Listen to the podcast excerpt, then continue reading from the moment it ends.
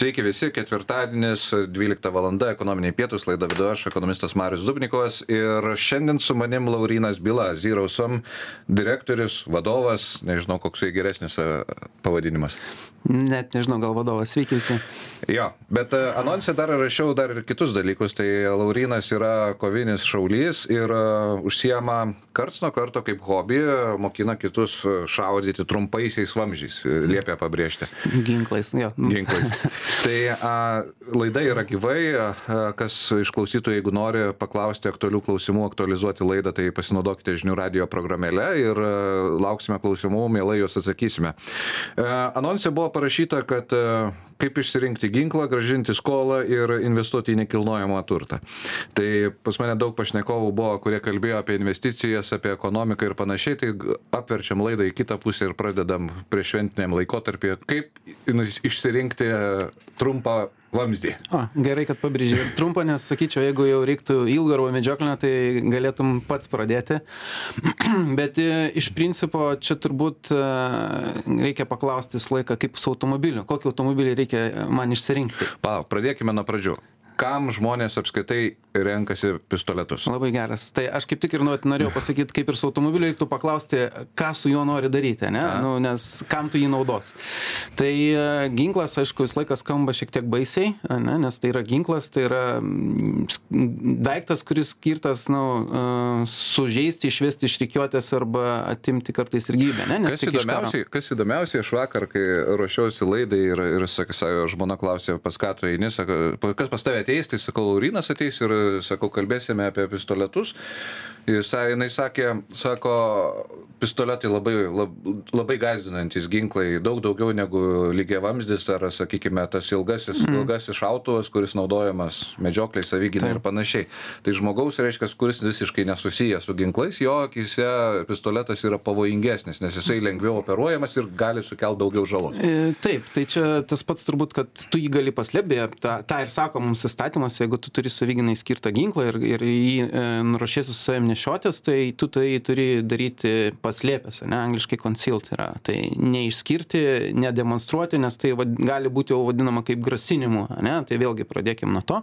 Na, su medžiokliniu šautuvu irgi į parduotuvę nelabai patartina eiti, na, prasme, užsidėti persimetus per petį. Nelabai ir leistina, nes vėlgi riboja taisyklės, kada su juo gali vaikščioti, ne, ir kur gali vaikščioti, ir, ir kur gali naudoti. Tai tas pats yra ir su ginklais, bet vėlgi ginklas jis gali būti ir sporto ir laisvalaikio pramoga, sakykim mhm. taip, nes atėjus į šaudyklą tu gali tą dalyką daryti, mokintis šaudyti, būt, dalyvauti varžybose, kurios yra, ne, tai A, kodėl žmonės renkasi tokį laisvalaikį, tai turbūt, kad pabėgtų nuo kažkokio streso.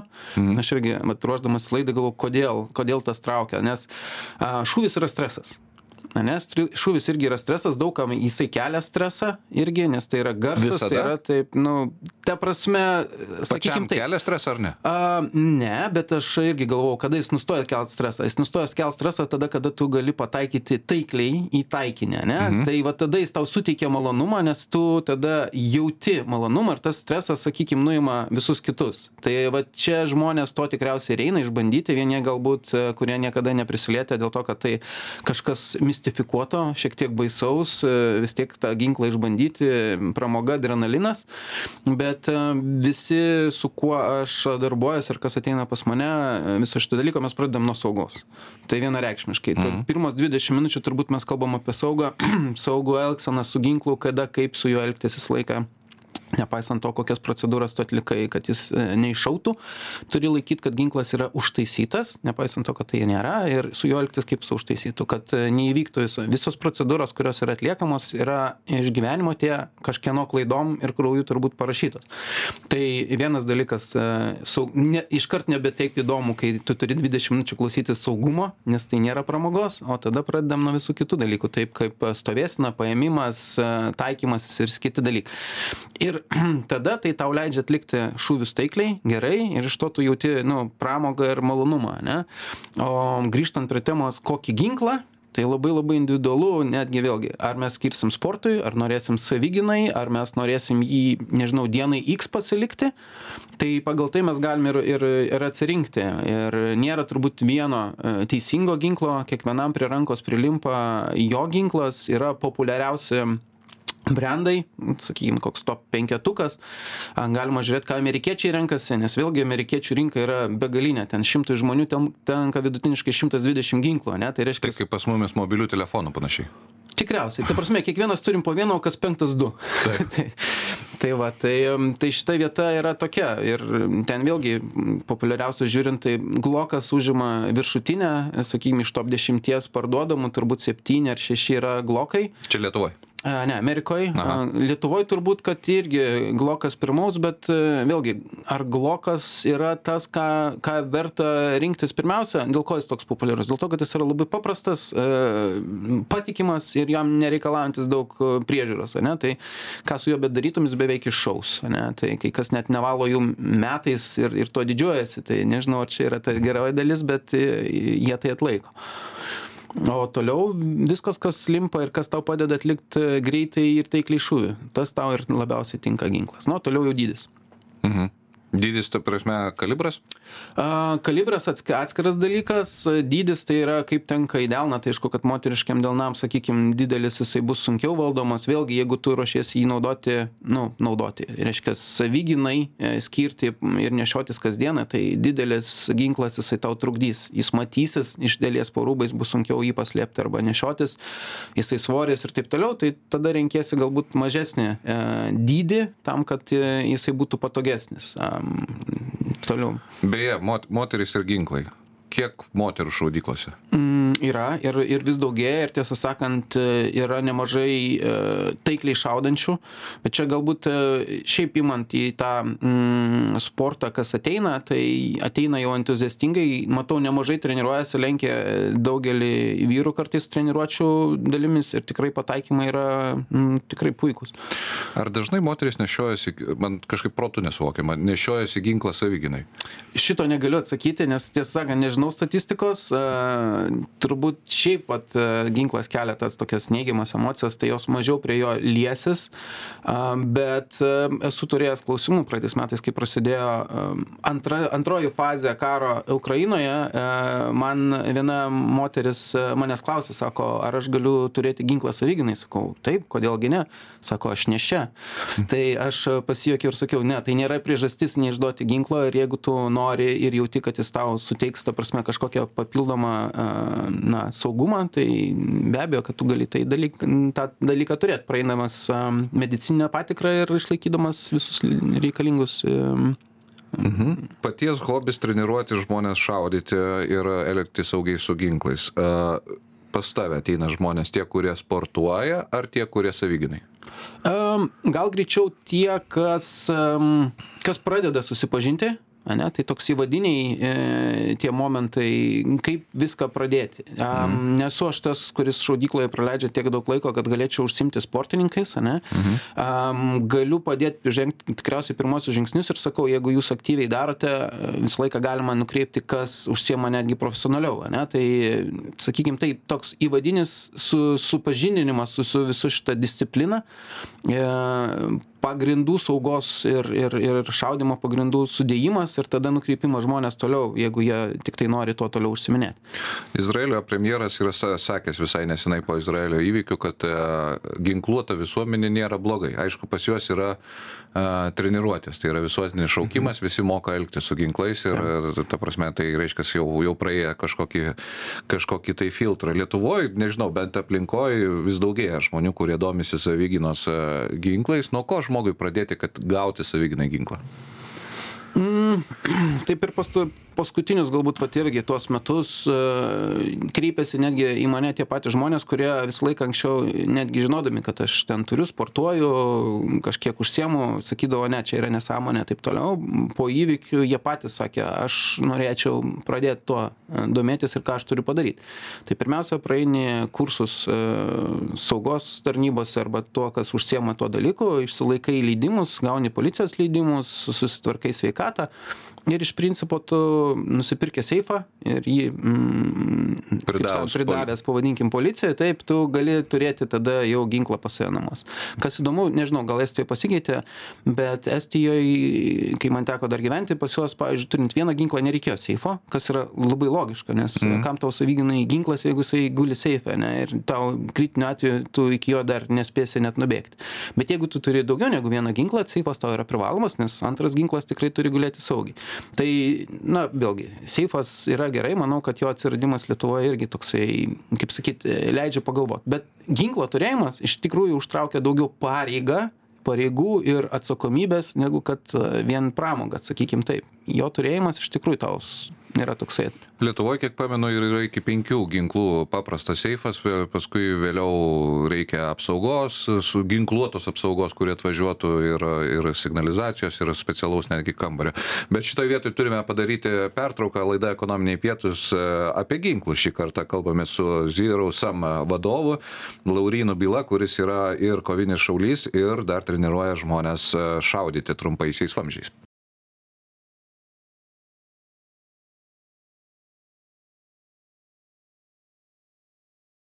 Grįžtame po pertraukos, ekonominiai pietus laidą vedu aš, Marius Dubnikovas ir kartu su manim Laurinas Byla šiandien suderinamuose ir nesuderinamuose temose apie ginklus, skolų gražinimą ir investicijas į nekilnojamą turtą. Apie tai dar pratęsime, bet man patiko ta dalis apie, apie ginklus ir turime iš klausytojų porą klausimų. Tai pirmas, Ana klausė, ar, ar kariautumėt Ukrainai? Mm, geras klausimas. Šiaip iš principo turbūt vėlgi tą palikime profesionalam, yra kas, kas tuo užsiema ir, ir, ir, ir galime jiems padėti kitais būdais dar, sakykime, šiuo momentu ir tą padedam, o jeigu tai būtų Lietuvoje, tai faktas, kad taip, nes tą įpareigoja ir statusas. Šaulys, šaulys. Taip, kovinis šaulys. O šaulys gali važiuoti į Ukrainą kariauti? Iš principo turbūt kad e, kiekvienas galėtų Ta prasme, tai, tai nėra draudžiama.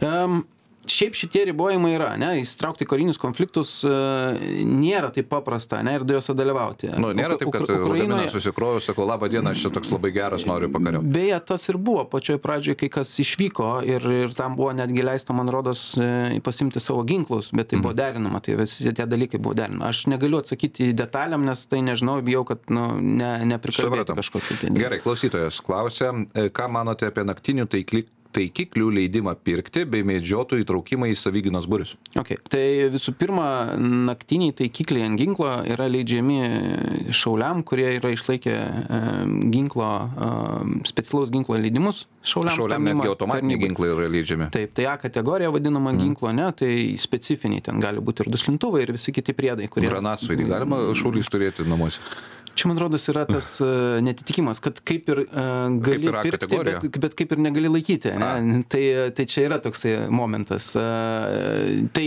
pas mus šitas klausimas kol kas sprendžiasi, man rodos, labai gerai su Laurino Kašiūno pagalba mes judame į priekį, aišku, atsirado pribojimų, kai kurių, nu, kur anksčiau buvo leidžiama labiau turėti ilgesnės dėtovė, dėtuvės ilgiem ginklam, dabar jos yra su specialiu leidimu. Tai čia turbūt klausimas, kaip įtraukti iš kitos pusės visą laiką tas tiem žmonėm, kurie pasiruošę prisidėti prie krašto gynybos, e, visos galimybės yra sukurtos ir mhm. kiekvienas iš jų gali prisidėti ir turėti ir vieną, ir antrą priedą. Ir, ir į tą tikrai investuoja žmonės nemažus pinigus. Gerai, medžiotojų įtraukimas į savyginos būrius. Mm, gerai, o kas yra savyginos būriai? Visų pirma. Greičiausiai turime omeny mm, šaulius, e, šaulių organizacijas. Priverstinai tikrai nieko nepadarysiu, o tie, kas yra aktyvūs ir e, visuomeniški, jie tikriausiai ten jau yra. Tai reiškia, jų įsitraukimas jau yra. Ar, e, ar tai, kaip sakyt, priverst galima, nu nežinau čia. Čia turbūt tą klausimą reikėtų apsukti kitą pusę. Daug, tikrai daug žinau medžiotojų, kurie yra ir, ir šauliai, ir koviniai šauliai, ir, ir tą tarp tarpusavį derina. Tai e, čia turbūt dabar klausimas yra apie tai, kad e, šią savaitę turime išgirsti iš prezidento e, sprendimą, ar jisai pasirašo rašo įstatymą dėl naktinių taikiklių leidimo medžioklės sąlygoms. Tai mano požiūriu šitas, šita dalis yra tiesiog technologinė dalis. Tai yra viena iš technologijų, kuri gali būti naudojama lygiai taip pat, kai kažkada anksčiau medžiodavo žmonės su lygiai vamžiais tik tai, nes graištinis šautuvas arba karabinas liaudėje vadinamas buvo prabanga, jie dabar atėjo į dabar tik tai praktiškai graištiniai šautuvai, o taikikliai, na, atsirado technologija, ją galima naudoti. E, nes, bet čia suplakama čia, argumentai, man atrodo, daroma klaida didelė, kad yra suplakama pakankamai argumentai įmami visi Taip. ir metami į tą maišą, tynę. Ta prasme, reikia taikiklių medžiotojų, nes jisai įsisavyginam. Tai kaip jisai, jeigu jis nežino, į kurią pusę eiti. Tai... tai čia kaip ir dauguma dalykų irgi su ginklais yra kartais suplakama, nes e, pareigingi piliečiai, kurie laikosi įstatymų, jie gaunasi yra pribojami, ne, kaip ir ja. turbūt ir, ir, ir medžiotojai naudodami tokią technologiją, bet tie, kas net nesiuošia jos laikytis, jie vis tiek tai gali naudoti. Ne, tai dabar yra naudoja, ta prasme, nepaslapti paslaptis dalis medžiotojų tame tarpe legalių ir nelegalių arba nelegalių tai yra brakonierių jie dabar be vargo naudoja tuos pačius naktinius taikiklius ir jie juos naudos. Tame tarpe tie kurie jų nenaudoja ir laikosi įstatymo jie jie nenaudos tol kol jiem nebus leidžiama. Ir nuo to niekas nepasikeis. Ir reiškias medžioklė jinai kaip buvo taip bus jinai bus pagal taisykles pas tuos žmones kurie jas laikosi. Ir nereikėtų pritempinėti tų argumentų dėl savigynos ar ar tenais ten ka karinių dalykų ir taip toliau. Lygiai taip pat e, aiškinant, kad e, bus išmedžioti miškai, kas yra nesąmonė, nes medžiotojų, medžiotojų populiacija didėja. Tai čia kaip vienas mano pažįstamas sakė, sako, geriausias dalykas, ką galėtų medžiotojams e, e, padaryti, tai yra tris metus uždrausti apskritai medžioti bet ką. Ir tada visuomenė ateitų paprašyti, kad gal jūs jau eikite medžioti, nes ten tų žvėrių būtų tiek, kad jie ja, ir lygas platintų ir panašiai. A, gerai, grįžtame prie, prie, prie prie klausimų laidos. E, patį dar pristačiau kaip Zero Sum vadovą ir nutarėm pakalbėti apie obligacijas ir galimybės investuoti, nes e, mhm. vis tik tai ekonominiai pietus ir apie tai kalbame, po pietinė laida kalbame ir apie pačius žmonės, hobius ir panašiai. Um, paskutiniai dvidešim treti metai kurie jau eina į pabaigą buvo išties įspūdingi. Akcijos plius praktiškai dvidešim plius procentų. Obligacijos irgi grįžo šiais metais į į į areną. Kokios kokios galimybės šiandien dienai obligacijų rinkoje ir kaip pats matai šitą rinką? Mm, taip obligacijos yra turbūt skolos e, sudėtinė dalis ane tai viena iš formų galima tiktai pabrėžti ir instrumentas kurį investuotojai gali padaryt aš manau kad apskritai euriborui pakilus e, iki keturių, ne, kas šiaip istoriškai jo vidurkis buvo iki 2008, Mediana, nu, iki 2008 metų, ne, po 2008 metų su visom krizėm mes tiesiog įžengėm į, kaip sakant, istoriškai nebūtus uh, mm, laikmetį, ne, kada pinigai beveik nekainavo. Tai prie to pripratom, išaugo nauja karta ir atrodo, kad tas supratimas, kad pinigai ne, nu, nekainuoja, yra toksai. Tai, tai e, grįžimas į šitą normą, jis aišku daug kas supurtė, netgi ir, ir priminė, kas, kas galbūt būna. Skola vėlgi prie to prisitaikę. Matome, kad žmonės vėl atranda indėlius, atranda tarpusavio skolinimąsi, ne, nu, ta prasme, visa šita dalis. Tai čia turbūt yra iš dalies skolos metai, pavadinkim taip, ne, kaip um, turto klasės, į ją, į ją grįžtant. Uh, iš kitos pusės su šitų visų dalykų ateina ir uh, tam tikrų momentų, nes um, skolinimas brangsta, reiškia, tu turi labai gerai pasvert savo verslo galimybės, nes skolinėsi kažką. Kitaip tai. paklausiu, ta prasme, dažnai mes diskutuojame viešoje erdvėje apie tai, kaip e, didelės palūkanos žaidžia, sakykime, visuomenę, verslus ir panašiai, bet e, ką aš girdžiu iš tavęs, tai yra šiais metais grįžo ir investicinės galimybės būtent į skolos rinką, nes vieni moka, kiti gauna tas palūkanas. Taip. Taip. Tai e, manau, kad taip, e, galimybės tikrai grįžo, vėlgi šiek tiek galbūt e, bankai pradeda atsargiau kai kuriuose vietose žiūrėti, tai visi ieško alternatyvą, ne? Vėlgi pinigų masė turbūt irgi mažėja, kas sudaro papildomą konkurenciją dėl pinigų ir ta konkurencija dėl pinigų leidžia pinigus skolinti kaip čia efektyviau arba pelningiau ane? Tai ta prasme. Ties šita konkurencija deja turiu tave nutraukti nes e, turime padaryti pertrauką ir ekonominiai pietūs laidą vedu aš marius dubnikovas ir kartu su manim laurynas byla šaulys zero sum vadovas ir instruktorius šaudymui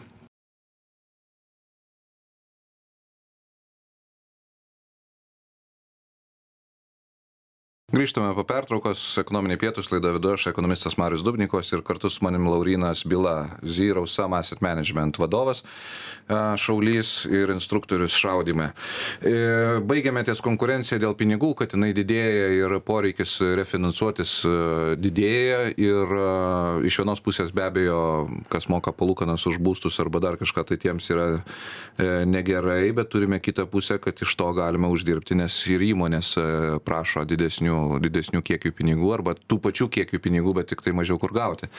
Tai obligacijų rinka darosi įdomi, baigiam ties tuo kiek jinai yra įdomi, kiek žmogus gali orientuotis, vat, pavyzdžiui, tokio fiksuoto paimingumo skoloje uždirbti. Be abejo, užduoju klausimą ir net nebejoju, kad, žinai, atsakymas yra priklauso nuo kokios rizikos e, ruošiasi prisimti, ne? Tai, tai taip, šito mes nepamirškime apie riziką, e, tai yra susiję, bet e, vėlgi, ne, efektyvumas.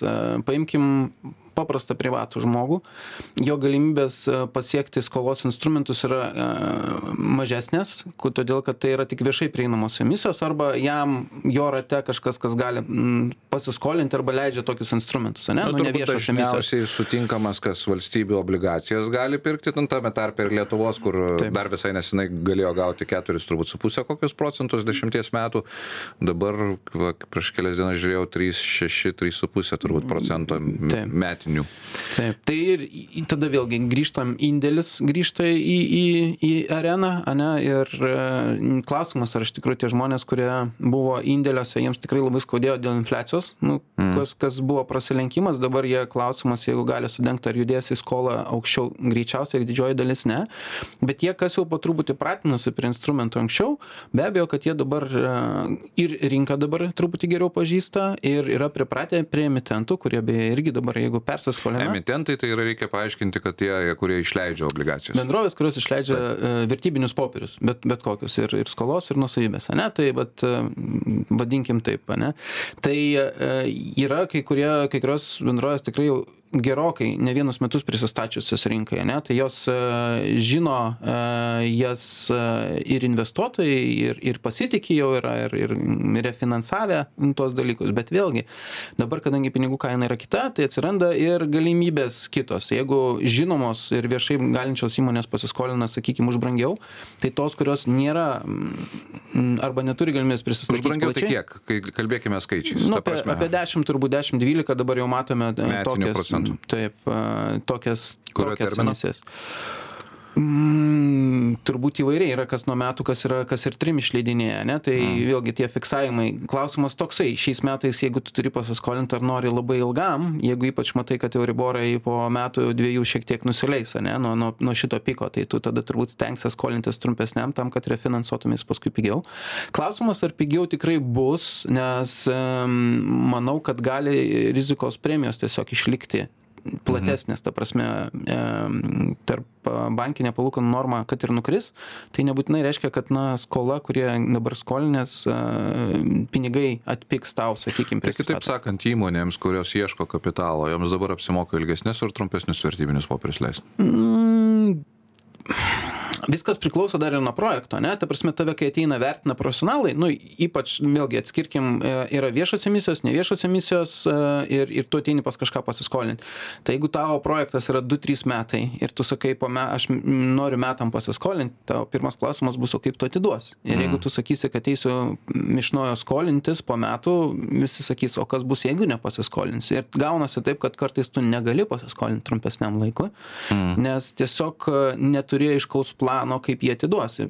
Persiskolinimas yra vienas iš galimybių, bet jinai galbūt yra daug um, taip sakykim ja galima pasitikėt kai jau emitentas yra daręs tą ne kartą yra rinkoj susipažinęs ir ir nu tiki kad tai gali padaryt netgi pigiau ane? Nu tai čia yra rizika kad vėlgi po metų atėjus rinkai pasikeitus mes turėsim vėl brangiau ane? Tai tai tu pats irgi sprendi ar tau tinka. Jeigu tau pagal verslo planą tinka tie pinigai už tokią kainą tai tikėtina kad leisies ilgesniam ir fiksuosies tai tiesiog kaštai. Gerai, grįžtam dabar. E, iš esmės, e, privati obligacijos, privačios skolos. E, pats mini, kad e, tas, kas leidžia jau nebe pirmą kartą, yra priverstas vis tik tai skolintis už pakankamai aukštas palūkanas - 10-12 procentų. Jeigu tai yra start tuoliai arba sakykime nežinomi emitentai kurie arba nežinomios įmonės kurios anksčiau galbūt ir turi istoriją bet neleido obligacijų ir dabar ateina į rinką kokia ten palūkanų norma? Oi vėlgi e, yra daug dedamųjų. Vienas dalykas e, kam ir su kokiu balansu tu ateini ane nes Mhm. jeigu tu esi labai stip stiprus nu iš kitos pusės e, tu visą laiką pirmiausiai pabandysi pasiskolint bankuose ane tai jeigu stiprus tu turbūt gausi banke paskolą Tai vat tą ir noriu pasakyti, kad ten gausi, e, greičiausiai jinai tada, kai tu turi kažkokį projektą, kur bankai nebegali e, tavęs sufinansuoti, gali būti dideli projektai, nu vėlgi. per dideli bankui? Kartais galbūt ir taip, ne, bet vėlgi, ta prasme, žiūrėkim, netgi toks kaip ignitis, ne, jis eina kartais išsileidžia obligacijų emisiją. Tai, e, tai čia kokio dydžio mes projektus norim finansuoti, kaip finansuoti ir taip toliau. Bet tu greičiausiai eini į bankus, todėl kad ne į bankus, o į, į obligacijų rinką, nes e, arba tu jo negauni, arba jau nebegauni, tai yra sekantis skolos e, sluoksnis, kuris yra natūraliai brangesnis, nes kelia didesnį riziką, nes bankas turės tikriausiai garantijas, o čia jau tu jokių garantijų arba mažai galėsi garantijų pasiūlyti. Tai dėl to tie pinigai ir turi kainuoti brangiau, nes jie nešasi su savim didesnė rizika. Tai neatsiema to viso dalyko dalis. Tai sakykim taip, jeigu tu esi nežinomas, tavo yra mm, galimybės jau šiek tiek susiaurėjusios, tai gali būti ir tarp 10-15, ne? Tai yra mm. vat, nišinės dalis atsiranda, kur galbūt tavęs negali įdėti į standartinę matricą vertinant riziką ir e, tiesiog tu ne, neįkrenti tas pas standartinius uh, kri, nu, kredituotojus. Gerai, čia klasika, ta prasme, balansas netitinka, bankas e, ne, neduoda pinigų. Arba nesupranta A- savęs, ane? Arba nesupranta, arba gali, gali e, netgi liepti. Neliepti, o paprašyti išleisti obligacijų emisiją, ir, nes obligacijų emisija vis tik tai stiprina ir patį balansą. Nu, antrinio lygio kapitalas, kaip jau. Nu, čia jau priklauso vėlgi, kaip bankas į tai pažiūrės. Jeigu čia akcininko, tai tada jis gali ją subordinuoti ir, sakykime, sakyti, kad tai stiprina, bet jeigu tu skolinės iš išorės, tai Mhm. jam jau yra e, bėda.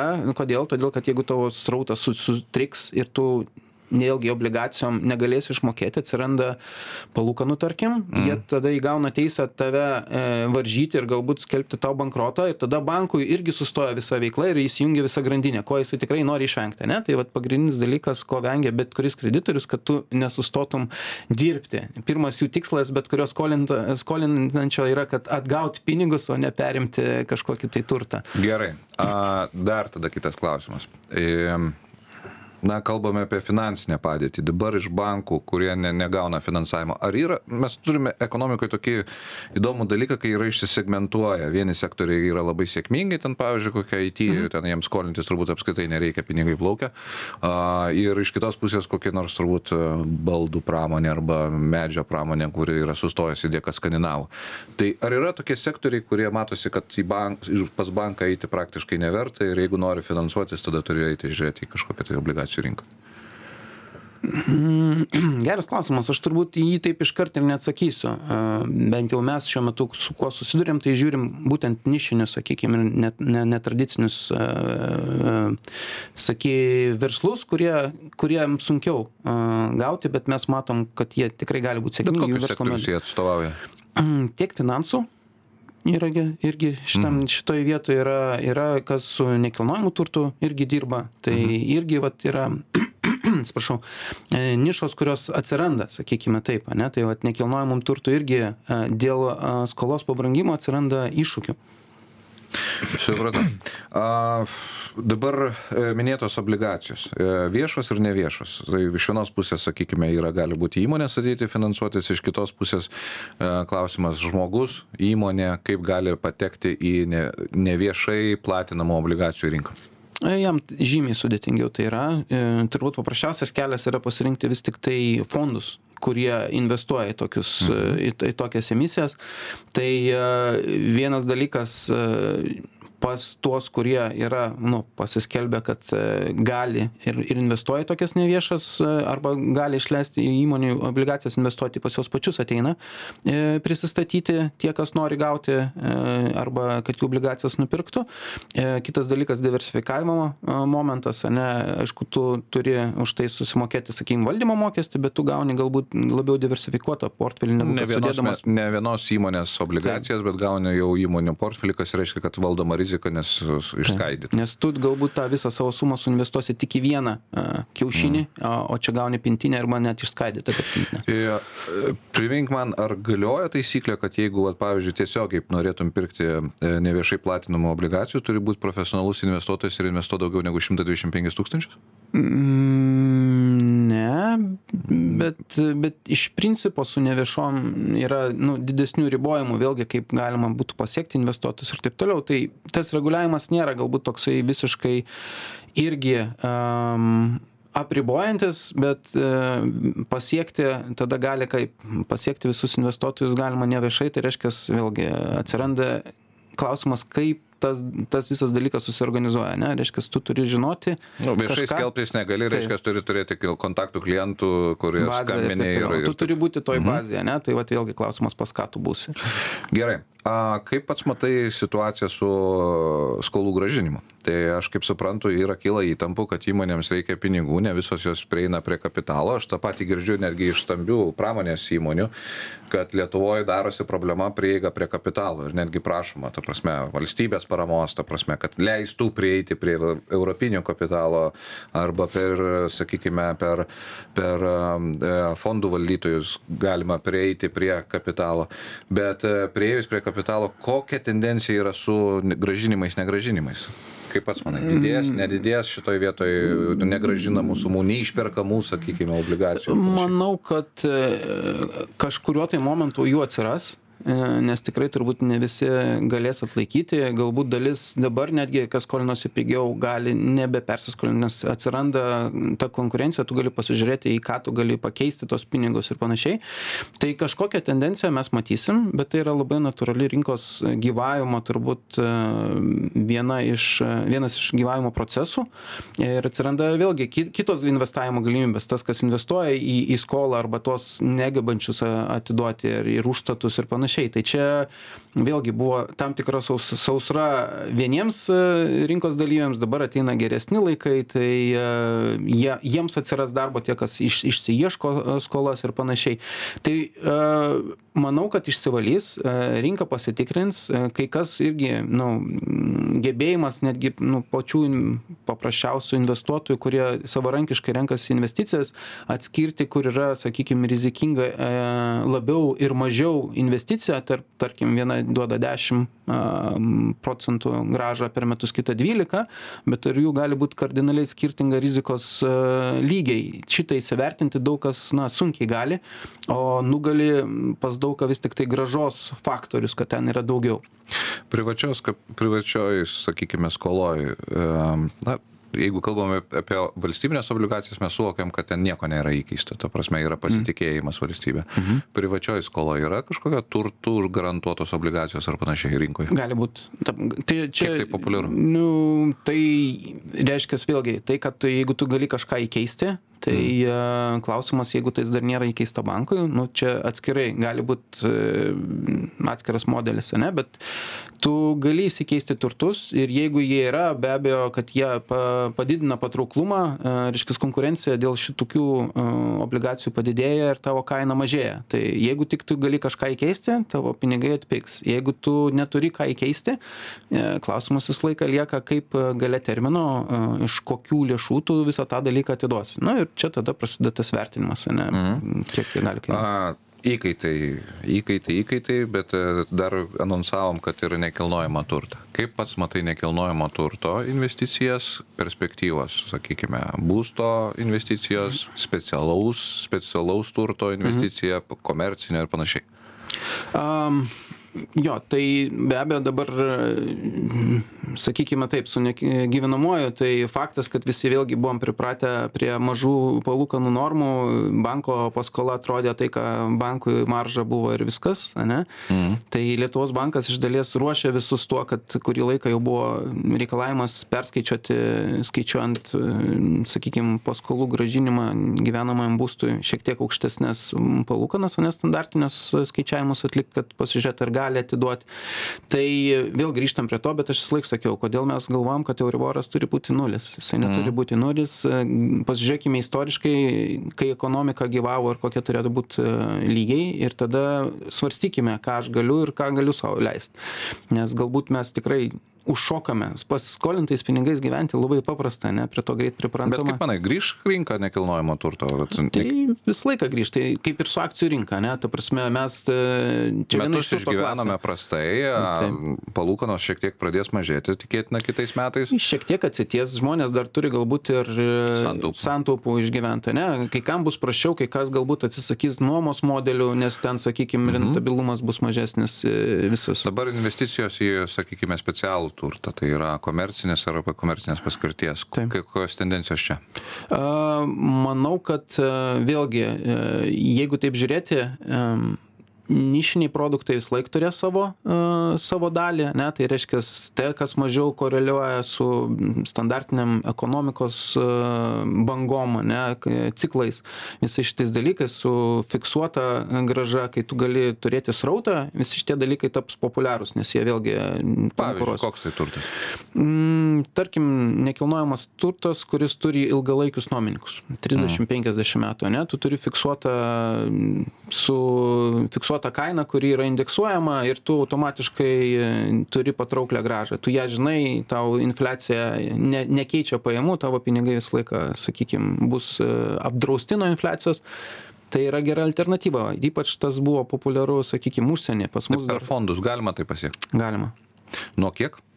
Mm, Tai vėlgi, tai greičiausiai bus neviešo platinimo, tai mm, ką mus riboja 125 tūkstančiai e, Eurų. eurų. Ok, laida eina į pabaigą, liko vos e, nepilnos 3 minutės.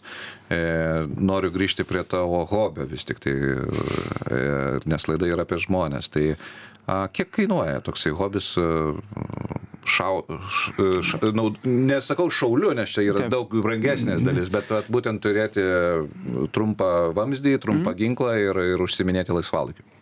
Tai e, tikriausiai, kad e, ginklo turėjimas, e, tai investicija priklausomai nuo, nuo vėlgi nuo kokio brendo, ką tu išsirinksi, gali būti nuo 500 iki 1000, tada ar turėsi priedus, kiek tu norėsi sudėti į kažkokį tai nėra. Ta prasme, tavo, tavo tik tai imagination, bet kalbant Gerai, toliau. Treniruotė, turint ginklą. Mhm. Treniruotė kas kainuoja dažniausiai um, ar reikia kokių dviejų valandų, tai reiškia nuo 10 iki 20 eurų uh, už tą kelią arba tą vietą, kur tu treniruosies. Ir dar taip į šaudmenis, jeigu kalbam apie 9-19 kalibrą, parabellum, tai dar reikės kokių 30-50 eurų vienam kartu. Nu tai vat, uh, tarp 50-70 eurų. Vieną treniruotę. Kiek Jo. treniruočių žmogui reikia, kad jisai būtų toksai, nu, ne tai kad sportininkas, bet palaikytų dėgymą? Jeigu tau sekasi, tai gal užteks ir vieno karto per mėnesį, ta prasme, atsišviežinti. Jeigu reikia tobulinti sritis, tai gali būti, kad ir dviejų per savaitę. Tie, kas sportuoja, netgi užsiema ir daugiau. Tai Supratau. Dar liko pusantros minutės. E, Paskutinis tradicinis klausimas. Ką vai- vairuoja šaulys e, ir investuotojas? Okay. Um, man turbūt labai pasisekė, kad mano darbas yra penkios minutės pestute nuo namų, tai aš dabar nevairuoju nieko, nes mano paskutinis automobilis uh, Opel Insignia OPC iškeliavo Ukrainos uh, paramai. Žinau, kad virto snaiperinių ginklų ir tikiuosi, kad gina mūsų visų laisvę. Aišku. Ačiū. Laikas mūsų baigėsi. Laida ekonominiai pietus. Laidą vedžiau aš, Marius Dubnikovas ir kartu su manim apie ginklus, skolą ir nekilnojamą turtą. e, Kalbėjosi Laurinas Byla, Zero Sum Asset Management vadovas, šaulys, e, na ir šaudimo instruktorius. Iki kitų kartų.